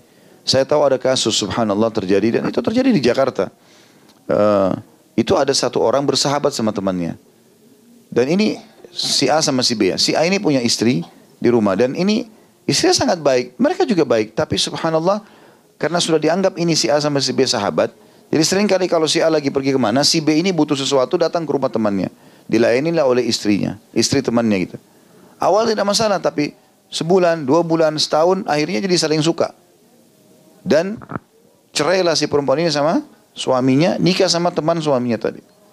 Sekarang si suami ini, mantan suami ini betul-betul sakit hati. Bagaimana keadaannya? Dan saya tahu bagaimana keadaannya orang itu. Walaupun subhanallah setelah itu, saya tahu juga kejadiannya karena itu masih ada uh, persahabatan antara saya. Saya masih kenal mereka itu. Maka yang yang tadi dizalimi ini, itu justru dapat perempuan yang jauh lebih baik. Tetapi ini efek daripada keberduaan itu ya. Sebagai penutup juga perlu saya ingatkan berhubungan dengan masalah ipar ya. Nah, interaksi dengan ipar itu juga harus ada batasan karena tetap bukan mahram. Di dalam kehidupan kita pada saat kita lahir ada namanya orang yang punya rahim, kekerabatan dan punya hak mahram. Tidak boleh nikah sama mereka. Itu semua jalur di atas kita. Ayah, ibu, kakek, nenek dan semua saudaranya saudara kakek, saudara ibu, saudara ayah, semua ini adalah jalur mahram. Semua ke samping kita, saudara dan saudari, dari ayah dan ibu atau ibu atau ayah saja. Kemudian semua ke bawah, anak kita, cucu dan juga ponakan. Ini semua begitu kita lahir sebenarnya, kita, mereka sudah punya hak rahim, mereka punya hak mahram. Rahim artinya kekerabatan, mahram berarti tidak boleh menikah sama mereka. Ada orang yang menjadi punya hubungan rahim dan punya mahram, tetapi disebabkan pernikahan mertua sama anak mantu. Jadi karena dulu kita bukan mahram mereka, tapi karena kita nikah sama anaknya, maka ibu dan ayah mertua jadi mahram kita. Ya, ini karena ada sebab. Sama juga yang ada sebab itu adalah saudari dan saudara sesusu. Ya. Sesusuan, maka mereka disebabkan susuan menjadi mahram dan rahim kita gitu kan. Baik, ada juga orang yang punya hubungan rahim tapi bukan mahram. Seperti ipar, gitu kan? Karena mereka ini punya hak kekerabatan. Misal adik atau kakak istri saya, itu kan ipar saya. Saya punya anak dari istri saya berarti itu adalah tante-tantenya mereka. Mereka punya hak rahim tapi bukan mahram saya. Maka nggak boleh saya berduaan sama ipar saya. Makanya Nabi SAW waktu ucapkan hadisnya yang mulia, tidak ada laki-laki dan perempuan berdua kecuali yang ketiganya syaitan. Maka ada sahabat mengatakan bagaimana dengan ipar ya Rasulullah. Kata Nabi SAW, ipar justru kematian. Karena kalau sampai terjadi perselingkuhan, maka ini jadi kacau balau semuanya. Misal na'udzubillah istrinya selingkuh dengan adiknya sendiri. Bagaimana dia marah? Ini adiknya, ini istrinya. Tapi bagaimana sakit hatinya kalau orang lain masih mending lah pergi selesai. Tapi depan mata adiknya bisa dihapus statusnya. Ini kan lebih berbahaya. Maka Nabi bilang ipar itu justru kematian. Interaksi boleh, tapi secara global. Assalamualaikum apa kabar di acara keluarga? Oke. Okay. Kita juga nggak boleh kaku. Tapi berdua-duaan nggak?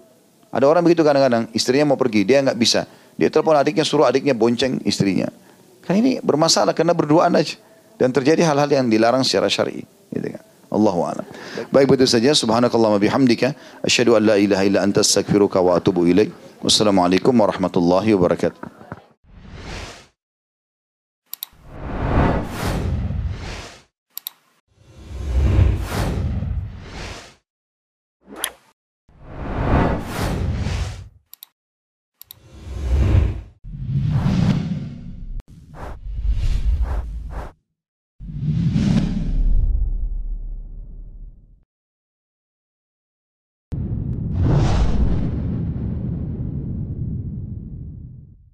Assalamualaikum Untuk pemesanan paket umroh murah Bisa menghubungi 0821